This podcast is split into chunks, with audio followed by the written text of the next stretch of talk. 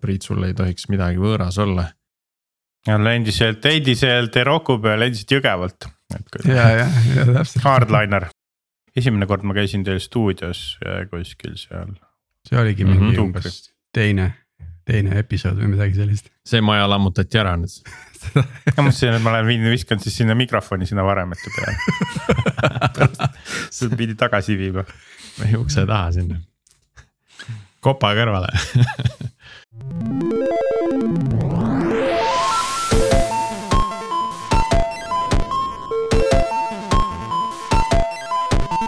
tere jälle Algorütmi kuulama, eetris on meie saja kuuekümne viies episood, mina olen Priit Liivak Nortalist ja koos minuga on täna Tiit Paananen Veriffist.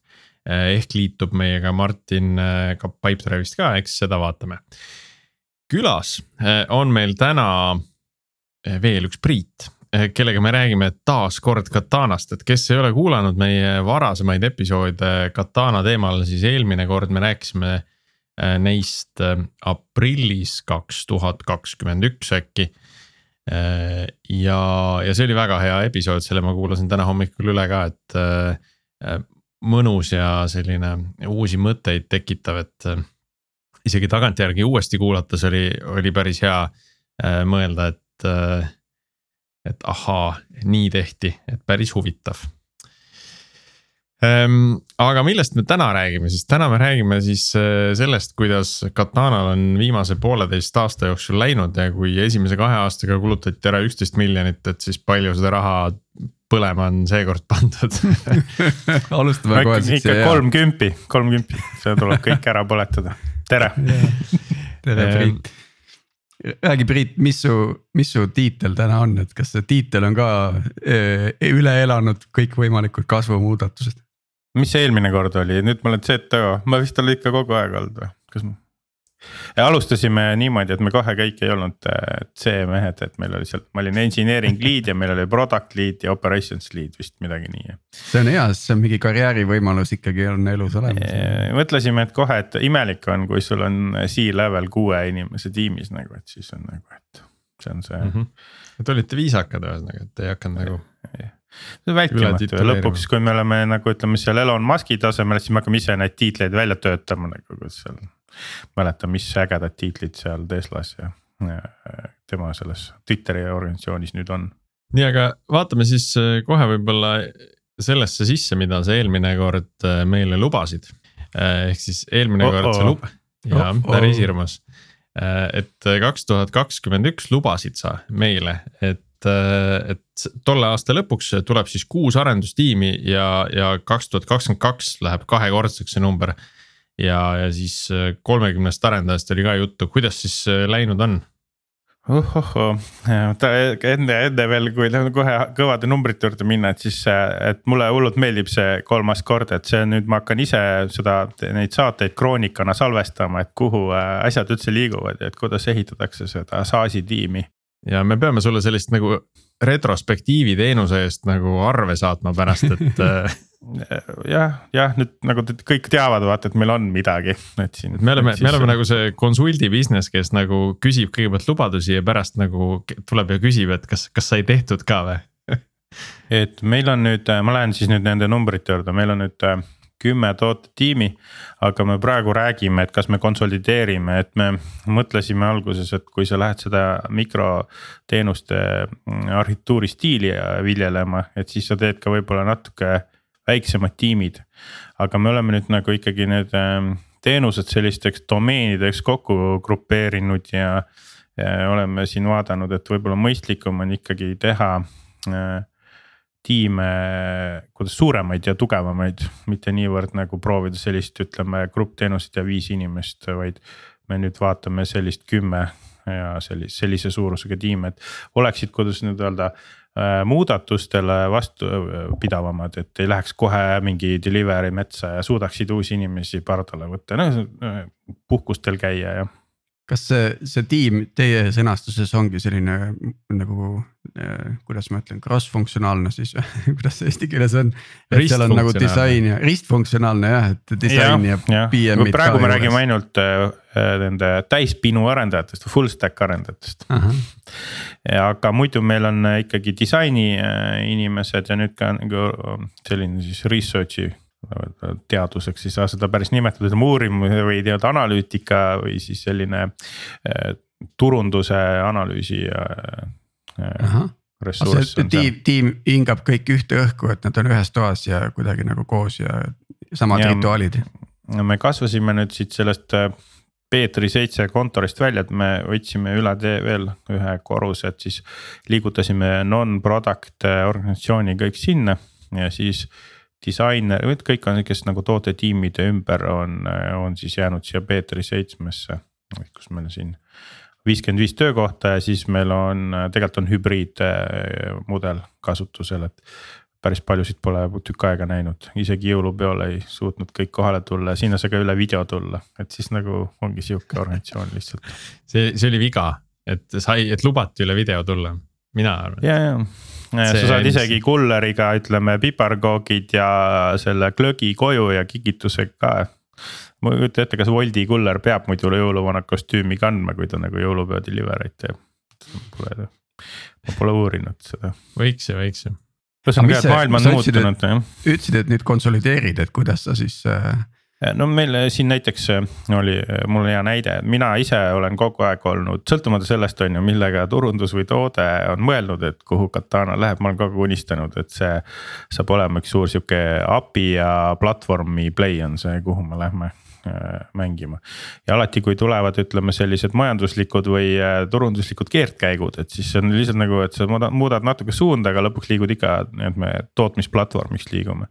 ja siis selle, üks nendest tootetiimidest oli meil App Marketplace või siis noh, App Store äh, ja alguses eraldi tiimina mõeldud, aga siis me oleme siin nüüd vaadanud seda, et me tahame seda tehnoloogiat Äh, vaadata sellist mudelit, kus me rendime seda App Store'i funktsionaalsust, et me ise ei ehita seda. aga integreerime nagu sellise a la carte mingisugusesse offering'i ennast sisse ja siis, et me ei teegi sinna päris tiimi, vaid me laiendame oma API tiimi, sest meil on. praegu me oleme suutnud oma selle API ja ui funktsionaalsusega sünki omavahel viia, et varasemalt oli, me tegime API tiimi hiljem. siis meil olid vähemad endpoint'id avatud väljaspool, aga nüüd me oleme selle järgi tõmmanud ja siis selle asemel, et teha päris uus tiim, me lihtsalt laiendame siis neid API tiimi skoopi suure tõenäosusega seal, see on praegu töös. oota, et oleks nüüd selge, et äh, ostate mingi teenuse sisse, mis nii-öelda seda App Store'i pakub siis? Või... jah, ja mul ei ole peast, äh, ei tule meelde, mis see tehnoloogia oli, ma pean järgi vaatama. App Store as a service, et me siis nagu lihtsalt integreerime oma mingi ilmselt mingi modifitseeritud API-d, nad peavad natuke teistmoodi töötama kui need, mida me otse välja näitame. ja siis sellega, seal taga on neil juba back-end tehtud, kus me siis äh, neid äh, arenduspartnereid haldame ja äppe, mis äh, meie store'is näha on, sealt saad ka endale genereerida siis sellise nagu veebilehe, kus siis kõik need pakutavad integratsioonipunktid on näha. Siis kliendid, kes tahavad Katanat laiendada, installeerivad selle sealt läbi selle App Store'i põhimõtteliselt töötab nagu normaalne App Store, lihtsalt ei ole meie ehitatud, ütleme nii. nagu meil on päris palju sihukesi tehnoloogiaid, sest kui me hakkasime Katanat tegema, siis oligi kõik need kohad, kus me saime lõigata, et. mida me ise arendame ja mida me ei saa lubada väikese tiimiga endale arendamiseks, et suured välja näha, et siis. me senimaani kasutajahaldus on meil ikkagi auth null slaš okta peal jookseb ja äh, maksed ja kõik niuksed asjad on väljaspool, et meie leib nii-öelda on ikkagi tootmine ja planeer-, tootmise planeerimine ja tootmisladu. et seda, see on nii-öelda meie see põhi-IP, mida me majas arendame. tead, see on nüüd natuke läheb sellest nagu teemast kõrvale, aga. nii palju, nii palju nagu selle äh, as a service asjade peal olete, et äh,.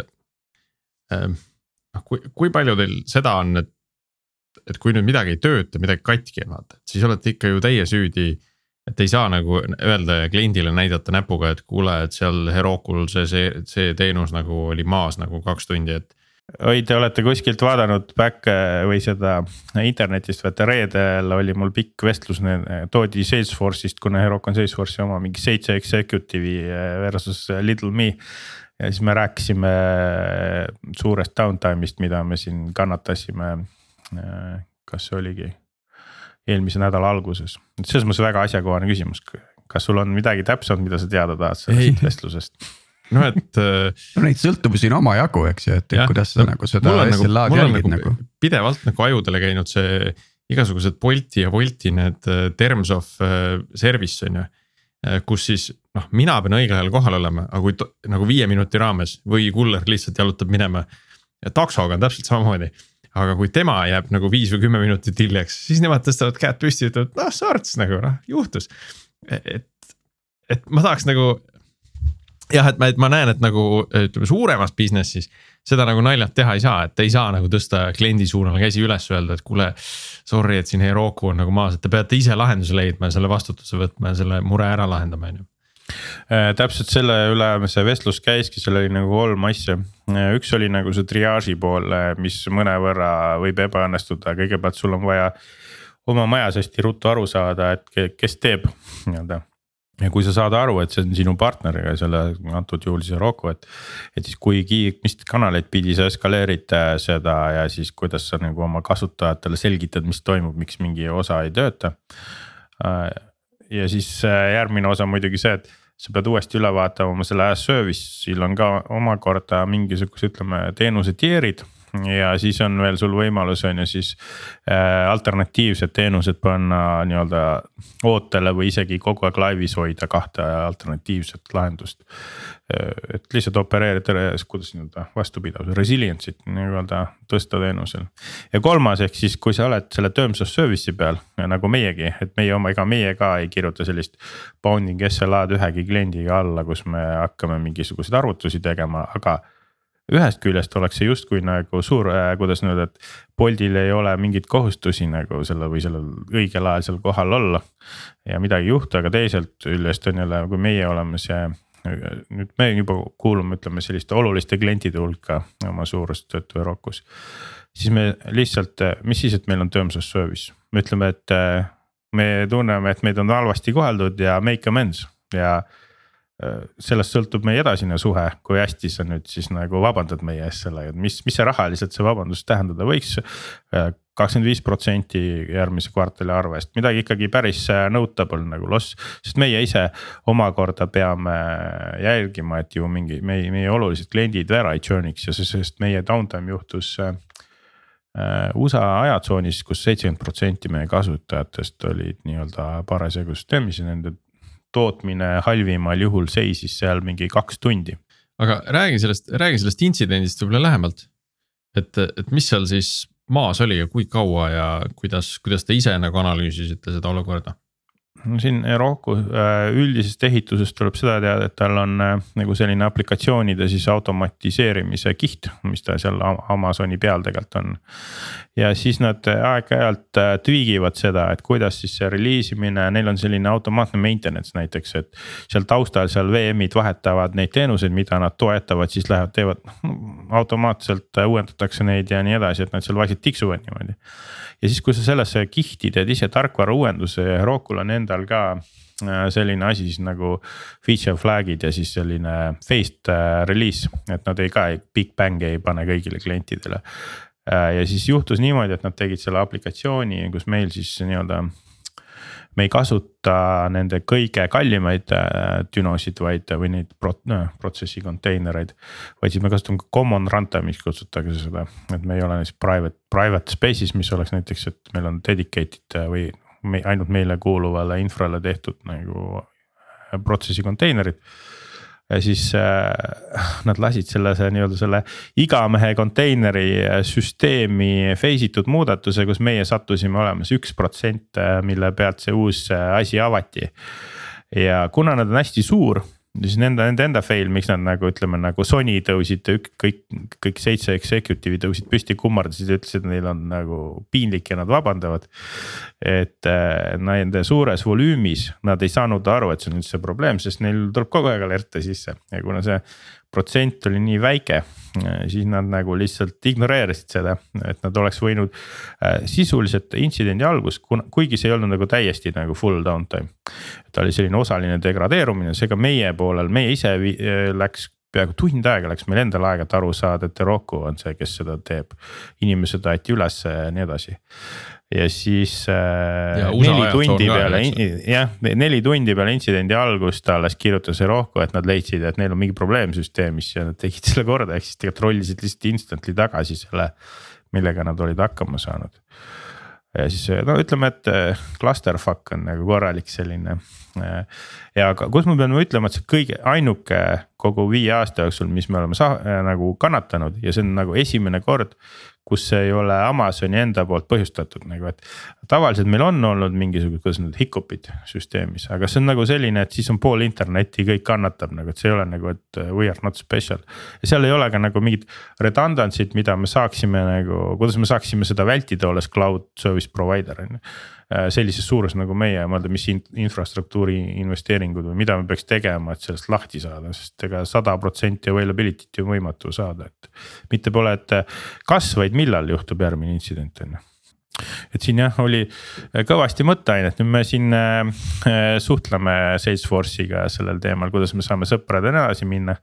et me otseselt äh, mingisuguseid selliseid radikaalseid muudatusi ei tee, sest kui me zoom ime välja sellest ühest äh, clusterfuck'ist, siis tegelikult on olnud väga noh, super availability on meil olnud, meil pole olnud senimaani sihukest kohta, kus me oleks pidanud meie omakorda oma klientide ees nii-öelda püsti tõusma ja, ja siis kollektiivselt kummardama, ütlema, et meil, meil on kõigil kahju selle pärast, mis on juhtunud. aga et, aga see tuletas ennast meelde, et see, selleks tuleb alati planeerida, et see võib juhtuda aga kui nüüd eelmine kord eh, sa rääkisid sellest, et eh, Herokule iga kuu makstakse, kas oli seal kolmteist tuhat või kuusteist tuhat välja, et kui suureks see number nüüd on läinud, et kas infra pool on, on kasvanud kahekordseks või on optimeeritud kuskile vahepeale? Nii, sa kõlad nagu minu head of finance juba. Et nii, Priit, räägime sellest kulust. me oleme nüüd siin üritanud leida sellise kompromissi, kus Äh, minu jaoks on see nagu selline, et kui, et mulle turja tullakse, on see, et kui ma seal hakkan viieteist protsendiga oma kuu käibest hakkab minema platvormi kuludesse, nüüd siis nagu olen ma selle, ütleme no, ebanormaalse piiri peal ja pean kaaluma, mis tehnoloogiat tuleks välja vahetada, et tagasi minna sinna, hea on meie jaoks kümme ja disaster on viisteist ja siis me kõigume seal vahel.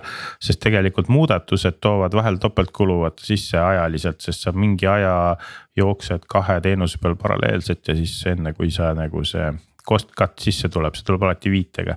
see on päris äh, hirmuäratav mõelda, et äh, nende muudatuste nagu planeerimine võib kesta sihuke pool, aasta, poolteist kuni selline, kuni sa. et näiteks äh, ma ei tea, ma võin sujuvalt minna üle isegi selle platvormi jutule ja ma küsiks siia vahele seda, et äh, kuidas see toodang versus testimine jaguneb, see split kulude mõttes, et kui palju te, kui palju kulub testimise peale, build imise peale ja siis äh, toodangu enda äh, kulud, et. ütleme sihuke build imine ja testimine on täiesti marginaalne, ütleme, et see on seal selline äkki tuhat viissada kuus aga äh, kui ma hakkan nüüd seal platvormi üldse lahkamise arendust keskkondadest, et siin nüüd on toimunud äh, päris suur muudatus. et meil on, äh, me loobusime lokaalsest arendusest, mis tähendas, et meil jooksid nagu laptop ides sellised dokkerid ja oma mingi nihuke. iga, igal vennal oli oma kata-, katana jooksis on ju. jah, et me läksime sellise teenusepakkuja juurde nagu Octeto, kes on endiselt Tutum äh, Cloudi mehed, siis sisuliselt müüsid Dockerile Docker Cloudi maha ja siis nendel on uus startup Octeto. mis on põhimõtteliselt Kubernetese klaster arenduskeskkondade haldamiseks. ja siis see nüüd on seal suurusjärku, ma mõtlen, kas äkki on kaksteist tuhat on praegu neid kuumakse või midagi sellist no samaväärne toodanguga siis. jah, et meil on kuuskümmend arendajat, ma ei mäleta, kas ma eelmine kord ütlesin, palju full stack arendajaid meil on. ja sa sihtisid kolmekümmet äh, aasta lõpuks ja siis ütlesid veel juurde, et aga sa võtad kuulda Sergei nõuannet, et. et värba nii palju, kui saad, mitte nii palju, kui vaja on ja siis noh, nüüd olete kuuekümne peal no meil oli just praegu äh, vestlus, eelarve kinnitamine juhatusega, sest ajad on sellised, kus. muidu meil on olnud eelarve suhteliselt selline äh, pika vinnaga protsess või noh, ütleme, et ei pea väga palju seal äh, võimlema selle sees. aga praegu on ikka majandus on selline, kus me peame kvartali kaupa, oleme zoom inud rohkem sisse ja meil on kogu aeg nagu ütleme, reaalselt äh, mitu stsenaariumit peame haldama, on ju, et kui läheb äh, hästi okeilt või siis kehvasti ja mis siis me peame tegema, et siis. Meil on niimoodi, et me pole päris palkamist kinni pannud, aga meil on nagu siin nii-öelda sõltuvalt sellest, kuidas meie mm, kuukäive seal kõigub kuidas projektsioonid muutuvad, et siis sellest sõltuvalt siis me kas äh, avame rohkem positsioone või mitte, et aga me räägime siin praegu niimoodi, et sellist äh, agendat meil praegu ei ole, et järgmise aasta lõpuks on sada kakskümmend arendajat mm.. palju see revenue per engineer on, ma ei tea, kas te sellisel kujul jälgite. Äh,? ei ole sihukest meetrikat, ma ise olen nagu mu peas alati ma mõtlen, et see on seal sihuke suurusjärku äh, äh, kaksteist äh, tuhat firma kogukulu umbes üks insener jah. No põhimõtteliselt võib selle välja arvutada. aga kui sa nüüd äh, ütlesid, et kui see kulunumber hakkab seal minema üle, äh, üle selle viieteist protsendi, et siis sa tuled, hakkad mingeid tehnoloogiaid välja vahetama, et noh, mis, mis laadi optimeerimist teha on tulnud, et mida siis on välja vahetatud ja kust seda raha üldse kokku saab seal hoida mingi hetk mm? -hmm. see on selline äh, mitmetahuline küsimus, et äh, alati on kasulik, kui sa opereerid äri, vaadata, palju asjad maksavad aga teine osa on see, et mm, seal on ka nagu ütleme, sellised, see tehnoloogia peab olema kaasaegne, atraktiivne, pluss selles mõttes, et seda, et seda kasutatakse. ja teine on see, et kui, kuhu edasi liigub kogu see industry või pilvetehnoloogiad, et sa pead püsima seal ütleme, kui mitte päris nagu esikümne protsendi, siis vähemalt seal lähedal, et, et sa ei kukuks maha selle ree pealt, kui. sest üldjuhul need tehnoloogia on seotud mingisuguse ressursi efektiivsema kasutamisega, noh nagu pilvetehnoloogia.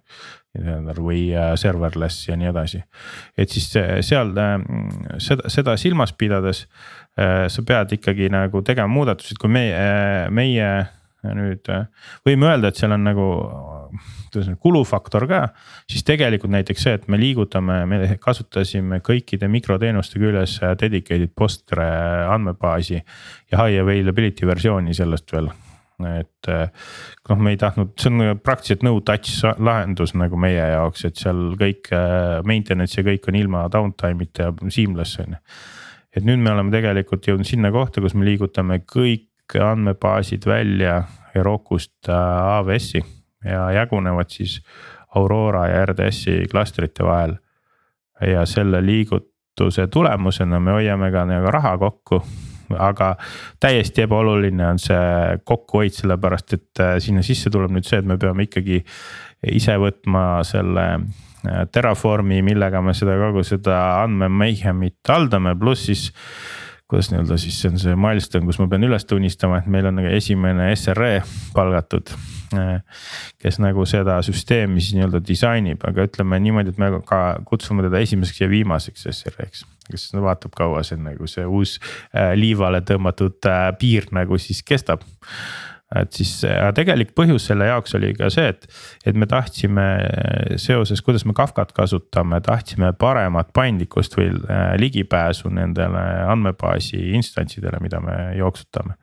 et write ahead log'ide kasutamine event'ide publitseerimisel läbi Kafka ja siis me ei saanud seda sellisel noh, mikroteenuste arhitektuur, väga hästi ei sobi see meie arhitektuuriline lahendus Roku hinnamudelisse, ütleme siis nii. Et kui me siis sinna vaatasime, siis sisuliselt oleks meil kogu platvorm, et need, need asjad seal käima saada topelthinnaga olnud ja me oleme nendele rääkinud seda, et, et te peaksite mõtlema, et kui te tahate ajaga kaasas käia, et siis kui ettevõtted, kes sellist äh, arhitektuuri viljelevad, et see ei skaleeru hinna mõttes.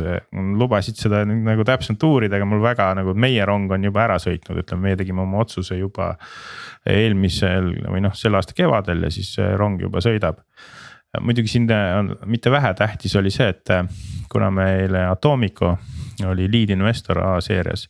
siis Atomicuga koos tuleb ka Amazoni deal, et kui sa oled A-seeria firma siis saad selle sada tuhat Amazoni krediiti aastaks ja selle me aktiviseerisime enne B-seeria lukku minekut, et see praegu meil siis nagu noh, me ei saa täis benefit'i ei saa, sest meil jooksevad need uued andmeteenused seal Amazonis, aga eh, praegu me ei ole saanud nagu seda Roku capacity't veel alla keerata, et. et siin esimeses kvartalis me ilmselt siis eh, esimese kvartali lõpuks me tahaksime kõik selle andmed nagu seisma panna seal. Miks just nagu kaks andmebaasist äkki? Mitte, mitte, mitte üks. vot nüüd jälle on see, et me palkasin endale sellise inimese, kes on äh, kõvasti targem selles vallas ja ta ütles, et ta tahab niimoodi seda ehitada ja siis mõtlesin, et sobib. aga täpne reasoning oli äh, minu arust seotud, et äh, Aurora poolel on mingi kõrgema latentsuse nõuetega teenused lähevad sinna ja siis sellised non-critical asjad lähevad RDS-i, on nagu just see üldine jaotus ta Aurora on kõvasti äh, performant või Ro, kõvasti rohkem performant, ütleme jõudlus on oluliselt parem, aga ta on kallim ka kõvasti. ja, aga meil on niimoodi, et meil on äh, ütleme sellised kuus kuni kümme teenust on sellised, mis võtavad nagu ütleme sellise, võiksid moodustada core nagu katanast ja siis, aga kokku on meil neid pea sada teenust, et siis need ülejäänud ei ole nii kuidas öelda, nii kriitilised sellest vaatenurgast mm. -hmm. mis te ise olete pidanud ehitama nagu tuulinduse võtmes just nagu selle stack'i haldamiseks, arendamiseks? nüüd olemegi nende migratsioonid, erinevate migratsioonide jaoks skriptid, et varasemalt olin mina, nüüd ma olen äh, sellest süüst puhas, et ma enam ei saa koodile nagu, ma ise ei kirjuta enam koodi.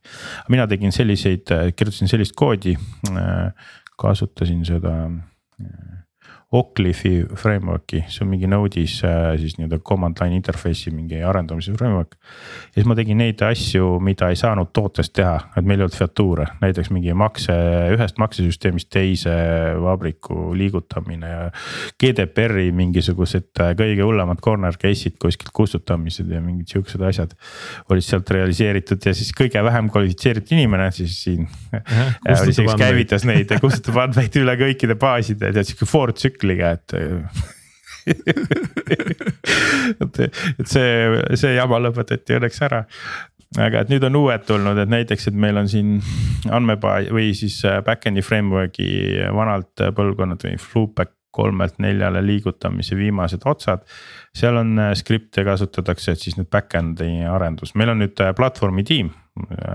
et me liigutasime ühisosa sinna kokku, et siis seal üldiselt arendatakse neid tööriistu ja siis no,. kuidas, kuidas siis sai, see nimi jäigi nüüd platvormi tiimist, eelmine kord oli. Product jälle... platvorm engineering on see, see, see Aha. product on alati, see on oluline, et see pole nagu ütleme lihtsalt mingi siukse. Excellence'i ei pandud sisse, et. ei, see, ma olen seal juba olnud, et see ei tundunud nagu väga hea või samas see on ka nagu room for improvement, et me pole. Lifestyle'i äkki hoopis on. jaa. Product platvorm engineering lifestyle tiim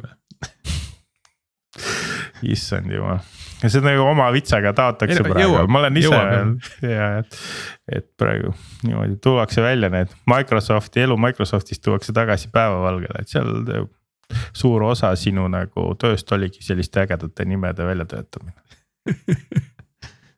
tundus hea, hea ametipost, et need, kes, kes neid. no ühesõnaga neid migratsiooni asju nüüd teeb siis mingisugune tool jah, mille olete arendanud? Eh, need on jah, need migratsiooniskriptid on arendatud meil endal in-house, kuidas me andmeid migreerime Postgrede vahel näiteks ja, ja back-end'i migratsioonid. see platvormi tiim on äh, võrdlemisi staatiline, ma sain aru, et noh eelmine kord me ka rääkisime sellest, et kuidas on ikkagi plaan äh, platvormi tiimist äh, osa inimesi liigutada tootetiimide sisse teatud hetkedel, kui on vaja mingeid muudatusi teha või midagi juurutada, äh, tehnoloogiat vahetada. No see oli pigem sihuke tootejuhtide rahustamise jutt, päriselt ei ole kunagi sihukest plaani olnud aga Nemad alati unistavad, et kuskilt mingist purgist tõstetakse muudkui ressurssi juurde ja featuuri arendus läheb muudkui kiiremaks, aga päris elus me teame, et seda ei juhtu. aga räägi siis, kuidas selle päris elus selle platvormi tiimi juurutamine on, on läinud või kuidas nad tegutsevad? Praegu nende fookus on äh, sellesama Octetoga seotud et te kujutate ette, on ju, et sellise teenuse stack'i või ütleme, back-end'i ja front-end'i osa seal käivitamine on suhteliselt straight forward või noh, arusaadav, see on kuidagi noh. samasugused konteinerid nagu meil on laivis, tuleb seal ka käima ajada ja mis seal on, on nagu sellised et ei saa päris full koopiat teenusest teha igale arendajale, see samamoodi hinna mõttes nagu ei tööta, siis on tegelikult seal nagu. kaks nagu põhikeskkonda, üks on jagatud arenduskeskkond ja teine on siis nagu sihuke sandbox'iks kutsutakse, mis on siis nagu second tier arenduskeskkond. ja siis kõigile arendajatele tegelikult tehakse namespace'id seal, mis on ainult need nende poolt moditavate teenuste osa stack moodustab omaette ja see ühendub siis kõikidest puuduolevad jupid võetakse sealt jagatud arenduskeskkonnast. ja siis selle, selle süsteemi osa, seda ehitab meile seesama teenusepakkuja Octeto, seal on oma CLI, millega siis neid hallatakse. aga mis on nagu väga kriitiline seal ja milles meil on praegu probleemid ka millega me tegeleme sellise põlve otsas, aga tahaks nagu paremini teha, mis on platvormi tiimi ülesanne. on see, et andmete provisioneerimine, arendusandmed. et kui sa hakkad uut feature'i tegema, kuidas sa seal oma selle äh, namespace'i sees saad need andmed, baasandmed, mida sul on vaja selle arenduse alla ja siis, kui sa arenduse lõpetad. siis sa, kui sa hakkad seda siis äh, nii-öelda, nii-öelda master'isse merge ima, ehk siis tegelikult see tsükkel lõpp päädub sellega ju, et see jagatud arenduskeskkond saab sama uuenduse peale, mille sul õnnestus nagu siis nii-öelda läbi sealt testist saada.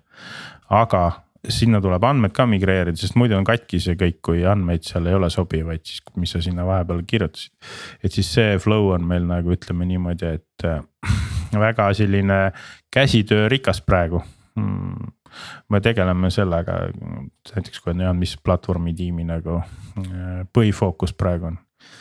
ja siis äh, kuna platvorm on kaheosaline, me alguses tegime äh, oli paberil oli neli tiimi, aga meil on kaks reaalselt praegu. meil on niimoodi, et andmed ja cloud on kokku pandud.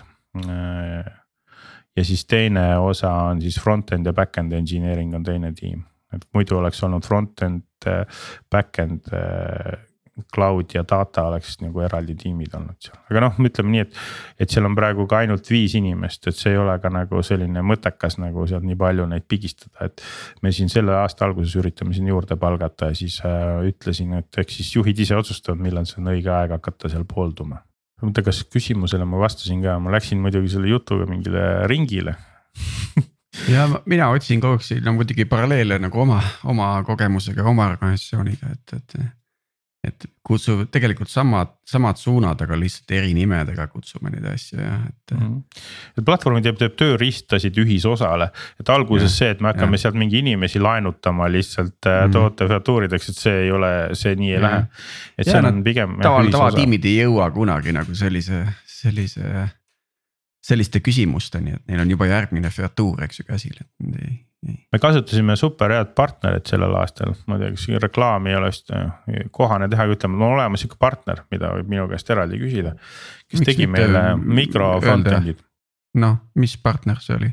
Peeter äh,, ma ei tea. mulle tuleb, Peeter, ütleme Peeter oli mul abis äh, Nemad on, äh, moodustasid just hiljuti sellise arenduse allhanke tiimi. Nad tulid YOLO grupist kui ma ütlen FVST nagu fast, ma ei tea, mis, mis see V seal stands for, neljatäheline selline. Äh, nad tegid meile, meil oli just seal platvormis oli nagu ressurssi puudu meil oli äh, MRP UI äpp oli nagu pudelikaelaks, sest igal tiimil oli seal oma moodul või nagu ütleme siis selline jupp, mida nad muutsid. Ja siis lõpuks oli see, et ikkagi nii tihti tuli sinna äh, uuendusi peale, et alatasa oli ta testimata ja siis ühel olid kõik asjad valmis ja teine jälle rikkus ära selle laivi mineku on ju ja siis me tegime selle moodulite föderatsiooni sinna äh, läbi nende kui nad ei olnud varem sellist äh, lahendust teinud, et see tuli alles nüüd mingisuguse uue Webpacki versiooniga. siis päris kaua aega olid kõik need tehnoloogiad seal Rackis üsna toored, milles see föderatsiooni ehitamine käis või siis see main äpp ja siis. kõik need äh, moodulid on eraldi pilditavad, reliisitavad seal sees siis vaidlused, kes, kellele mingi osa kuulub, et. võtsime selle contractor'ini sisse ja kolme kuuga tegime selle ära äh, muu arenduse paralleelselt ja äh, ma ütleks, et öelda, et päris üldse nagu tootearendusele mingit impact'i ei olnud, on vale, aga ütleme, see oli ikka päris väike. ma väga rahule jäin selle otsusega. meil oli varasemalt täiesti ebaõnnestunud olid kõik kontraktorite kasutamised, et see ikka sõltub väga palju. kui äh,, millise otsa sa satud või kui pädevad need inimesed on. ja võib-olla ise ka küpsesid vahepeal natuke uuele levelile ma olen üsna kindel, mina ei teinud midagi. see on võimatu, okei ma tahtsin veel küsida selle testimise strateegia kohta, et kuidas sa nüüd mainisid siin paar korda seda juba seda testimise poolt, et. mis, kuidas see strateegia täna välja näeb arendaja seisukohast just? me arust-, alustasime ilma testijateta Katanas ja oli ainult äh, unit testid äh, ja me ei teinudki midagi muud, tootejuht äh, oli ülejäänu osa eest vastutav, ta oli lihtsalt ja siis me ajasime seda asja kuni punktini, kuni tootejuht ei suutnud enam handle ida kogu seda asja noh, alati me rääkisime, et see on kõigi mure ja arendajad peavad ise ka vaatama, aga noh, see pole tegelikult ütleme jätkusuutlik mingisugusest punktist alates, seal mingi. Eh, pead hakkama edasi, siis meil esimese osana me tegime siis need eh, integratsioonitestid, me hakkasime neid juurutama tiimide sees et kuna on palju siukseid teenuseid seal igasuguste tuubide ja, ja sõltuvate teenustega, siis domeeni sees integratsioon nagu. ma ei tea, mis siin on siis, meil on nagu master data mingi materjalide koopia ja siis seal on umbes, et missuguse retsepti sisse või siis bill of material'i sisse need materjalid käivad, et saaks sellest toote ehitada. ja siis need teenused kuuluvad nagu grupis kokku, aga et selleks, et seal neid äh, eraldiseisvaid teenuseid siis testida, on ju integratsiooni testimine, noh see osa. ja siis sealtmaalt äh, lõppes nagu ära arenduse osa ja siis me hakkasimegi ehitama QA organisatsiooni nagu vana kooli, mis see süsteemi testid äh, ehk siis regressioon oli nagu seal ja see süsteem siis Cypressi peale ehitas meile Valeria Grishina. eelmise aasta jaanuaris algas. ja siis me poole aastaga jõudsime sellisesse faasi, kus me nüüd hakkasime reformima seda kogu süsteemi. et me kuul-, ma ei tea, see on shifting left on selle movement'i nimi ja meie kõik need nii-öelda automaattestide kirjutajad liiguvad sinna software development test ja nende regressiooni ja süsteemi testide kirjutamine pluss acceptance testide kirjutamine läheb ka kõik äh, arendajate kätte. Mm. muudame seda süsteemi ka, mul ei tule nüüd nimi meelde, kust me sinna Cypressist edasi liigume selle järgmise tehnoloogia peale, kust see kogu see haldus ja orkestreerimine käib selle stack'il, aga. aga QA, QA tiimid jäävad siis äh, äh peamiselt Nad lainitakse, neid palgatakse tootetiimidesse, neil ei ole ja. eraldi enam. aa okei okay,, et nad tõmmatakse sinna sisse. sest noh, vaata ma tean, et Atlassianil on äh, mingi selline mudel, et, äh, et seal on eraldi küll nagu QA roll olemas. aga nende, nende roll on siis natuke nagu platvorm tiimi moodi konsultida neid tootetiime et, et, et kuidas veel testide kvaliteeti tõsta või luua mingeid tööriistu testide kirjutamiseks ja loomiseks, noh ja see seda, see nagu... kohustus olla selline konsultant, nii-öelda kvaliteedikonsultant, et see eesmärk on küll sellel grupil. aga see on nagu selline community work neil, et muidu nad on nagu tiimis ikkagi sellised inimesed, me kutsusime või seda nimeda, ma ei tea, ma ei ole ise nagu selle ala nüansside ekspert, et kas see test recipe on nagu sihuke industry wide termin, et see on selline strateegia, mida töötatakse välja iga featuuri puhul, mis siis ütleb, mis osakaal seal peab äh, unit integration, acceptance äh, kõik need nagu, et, et ei teeks ülekirjutamist ei oleks, et see vajalik kogus teste saaks erinevate tüüpide vahel ära jagatud, et siis see effort oleks nagu optimiseeritud. et see on nüüd nagu selle QA inimese ülesanne seda tiimis nagu nii-öelda juurutada ja aidata arendajatel seda tasakaalu leida. Neid retsepte hallata kuidas see testimine käib. ja siis nad ikkagi saavad siis nagu oma QA community mõttes kokku ja siis tegelevad ka siis nende äh, süsteemi edasiarenduste ja muude selliste kvaliteedi teemadega. tahtsin veelgi uurida, kuidas see on-call'i funktsioon on üles ehitatud?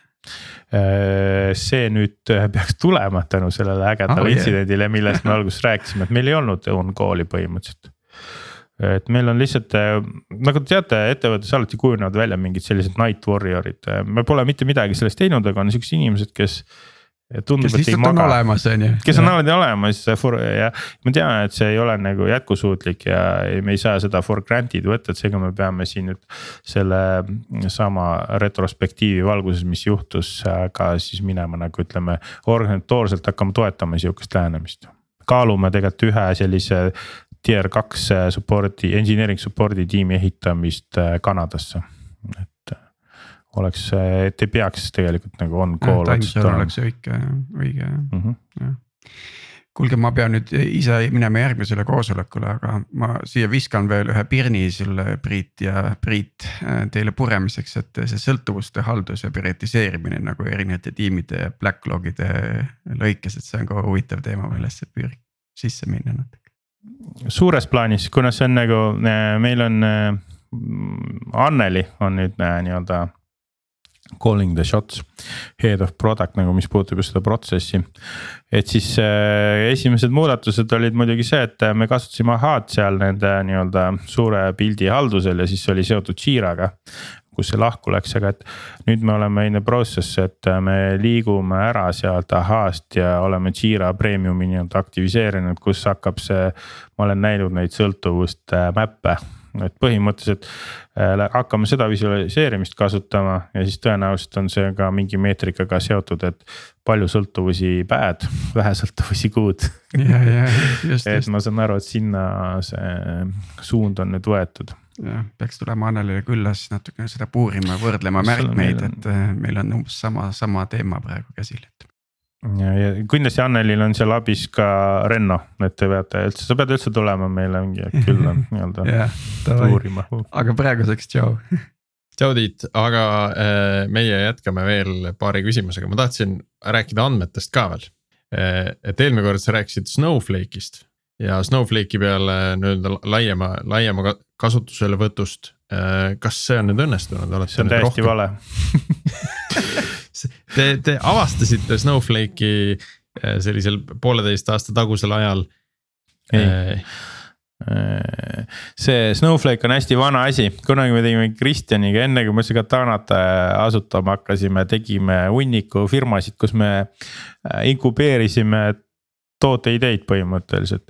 ja siis me tegime integratsiooni äh, startup'i nimega Magnetworks, no see on nagu oli äh, tegelikult äh, veebileht ja veel midagi, tegelikult oli sign up vorm ja seal taga midagi ei olnud. kuigi me tegime Skeleton Technologies'ile vist ühe integratsiooniplatvormi, testisime, kuidas need nagu see oli siis nihuke Zapier, äri Zapier nagu väga sihuke business flow dele äh, suunatud. aga kuna me nägime, et seal hästi palju sellist äh, konsuldi äri oli tegelikult seal küljes, siis me ei tahtnud seda teha, et see ei hästi ei tundunud töötavat, kui sa magad. oota, aga Katanas ja Snowflake'iga mitte midagi on see?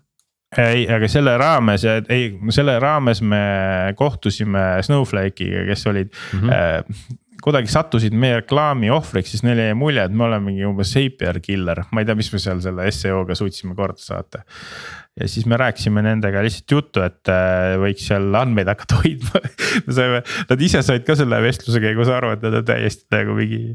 Äh, sellised mehed, kes tegid veebilehe ja hakkasid lihtsalt reklaame müüma, et aru saada, kas seda toodet on üldse mõtet teha sinna otsa mingisugust. nii palju andmeid, et nende jaoks huvitav üldse olla sellel hetkel et see suhtel lõime siis ja siis nüüd selle andmelao osas, et kuna meil on nüüd tiim data mesh on ju.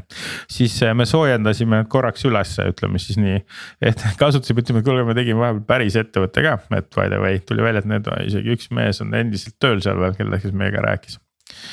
et äh, mäletas küll, et nad said tünga meie käest, siis äh, nüüd need uued inimesed on ju, ma enam ei ole selline, sellisel positsioonil, et mina ei suru enam mingisuguseid tehnoloogiaid kuskile, et mina olen strateeg puhtalt, mingi võimekust mul on vaja. ja siis äh, inimesed ütlevad, mis see on äh,, mida mul vaja on, et mina veel ei tea. ja tuli välja, et minul ei ole Snowflake'i vaja, ma küll panin selle lauale, seda mul lubatakse veel teha. aga seal praegu paistab sihuke Databricksi moodi asi minu arust hoopis ühesõnaga, et tuleb, aga ei, ei olnud see Snowflake. aga teises suunas jah, ja siis oli hiljuti äh, käidi mul äh, äh, välja mingi Vertica nimeline andmeplatvorm, ma panin selle sinna lauale jälle nagu ikka, et vaadake korra sisse, minu arust seal keegi väga excited ei olnud selle tulemusega, kuna meil mitte midagi ei ole reaalselt peale ühe hästi abuse itud Postgre andmebaasi mis meil ka kogu seda asendab, et kus me peaksime sel järgmise aasta jooksul ära migreerima ennast. noh, me teemegi nagu justkui nagu järgmise hüppe ja me teeme nagu ütleme sellise päris äh, BI-d meenutava süsteemi põhja äh, selle ühe baasi asemele. siis me peame selle otsuse ära tegema enne aga praegu kuhu, kuhu ma olen näinud Databricksi seal äh, listides mm. -hmm nii, aga siia lõppu äh, võib-olla veel räägid sellest, et kui nüüd poolteist aastat on möödas, et mis on olnud selline kõige suurem või valusam õppetund, mis selle aasta, selle aja jooksul saanud oled? kõik asjad on nagu sellised nagu paratamatus või. ma ei tea, kas ma pole nagu kuna meil õnnestus lõpuks ikkagi see B-seeria rahastus ära tõsta, siis ma ei saa öelda, et see nagu õnnetu lõpuga olid need õppetunnid või midagi sellist kõige, kõige suurem. et nad enam-vähem oli niimoodi ikkagi, et meil sellist asja ei juhtunud, et me ei reageerinud aga oleks tahtnud teada ette, mis kõik juhtub äh, selle Äh, rahatrüki, sõja, energiakriisi, kõik need asjad on ju. me kõik oleks tahtnud teada. ja, et see õppetund oleks nagu selline, et ei tohi äh,, ei tohi nagu, et see on nagu hästi, see on nagu vastuoluline, et kui sa seda jälgid, seda olukorda, sa ei tohi väga passiivne olla, sest sa tõenäoliselt pead midagi tegema. teine on see, et sa ei tohi samas ka rapsida, sest sa pead suutma aru saada, kas see on nagu, kas see on ajutine või äh, see ongi mingi shift, mis hakkab juhtuma ja siinkohal ma veel ei julgegi öelda, et kas need kõik need otsused, sest osad otsused, mis ma teen, on päris pika vinnaga ja siis ma arvan, et. Need otsused, mis me tegime. et äh, need olid õiged, aga see on nagu umbes niimoodi, et äh, kui see saatesari veel kestab ja et ja Katana kestab, et siis me võiks nagu taas külastada siis neid vanu otsuseid uuesti üle vaadata, et tänapäeval ma ütleks, et et nagu justkui nagu see õppetund on see, et, et sa pead saama mm, aru, kas on lühike või pika vinnaga otsus ja siis selle ruttu ära tegema, sest otsustama peab. ja siis sul võib juhtuda, et sa oled valesti otsustanud, aga üldine reegel on ju see, et äh, otsustamine on parem kui mitteotsustamine, seega ei. Ja ma arvan, et see, see on hästi oluline õppetund, mida, mida kindlasti kõik peaksid teadma aga tõmbamegi siin episoodile joone alla, eh, aitäh sulle, Priit, oli jälle huvitav eh, kuulda, mis vahepeal juhtunud on ja kuhu suunas liikunud olete. kes siis veel meie kuulajatest ei ole kuulnud seda eelmist episoodi, siis see oli kakskümmend kaks aprill. kus me rääkisime, selle episoodi pealkiri on kuidas kahe aastaga üksteist miljonit kulutada, et seal pealkirjas katanat ei ole, seda ei ole mõtet otsida. aga kui te üksteist miljonit otsite, et siis võiks välja tulla küll me kõike ja... ära ei jõudnud kulutada tegelikult. Noh, vaatame siis, vaatame siis pooleteist aasta pärast äh, uuesti, et kas, kas siis see raha põleb veel, äh, veel suurema hooga ja kuidas, kuidas ettevõte seal, sealjuures kasvanud on ma ei tea, mul tuli nüüd siin lõpus on ju selle sulgemislausega meelde see, et. et see Venemaale mitte panustamine, et see on kõige suurem õppetund nagu, et me pidime osadest arendajatest siin loobuma, kuna me ei saanud seda töötavat mudelit käima. ja me ei arvesta enam üldse sellega, et me arvame, et see siin meie horisont mingi järgmise rahastustsükli või õige selle strateegiate juures, et see on lihtsalt out et me nii partnerite, klientide kui ka töötajate kõik osad, me lihtsalt lõik-, lõikame selle välja. ja see ongi nagu see nii-öelda see learning. ma arvan, et see on õige suund äh,. aitäh sulle, Priit, aitäh meie kuulajatele äh,. oli väga põnev episood ja jääme taas kuulmiseni järgmisel nädalal. aitäh kutsumast. thank you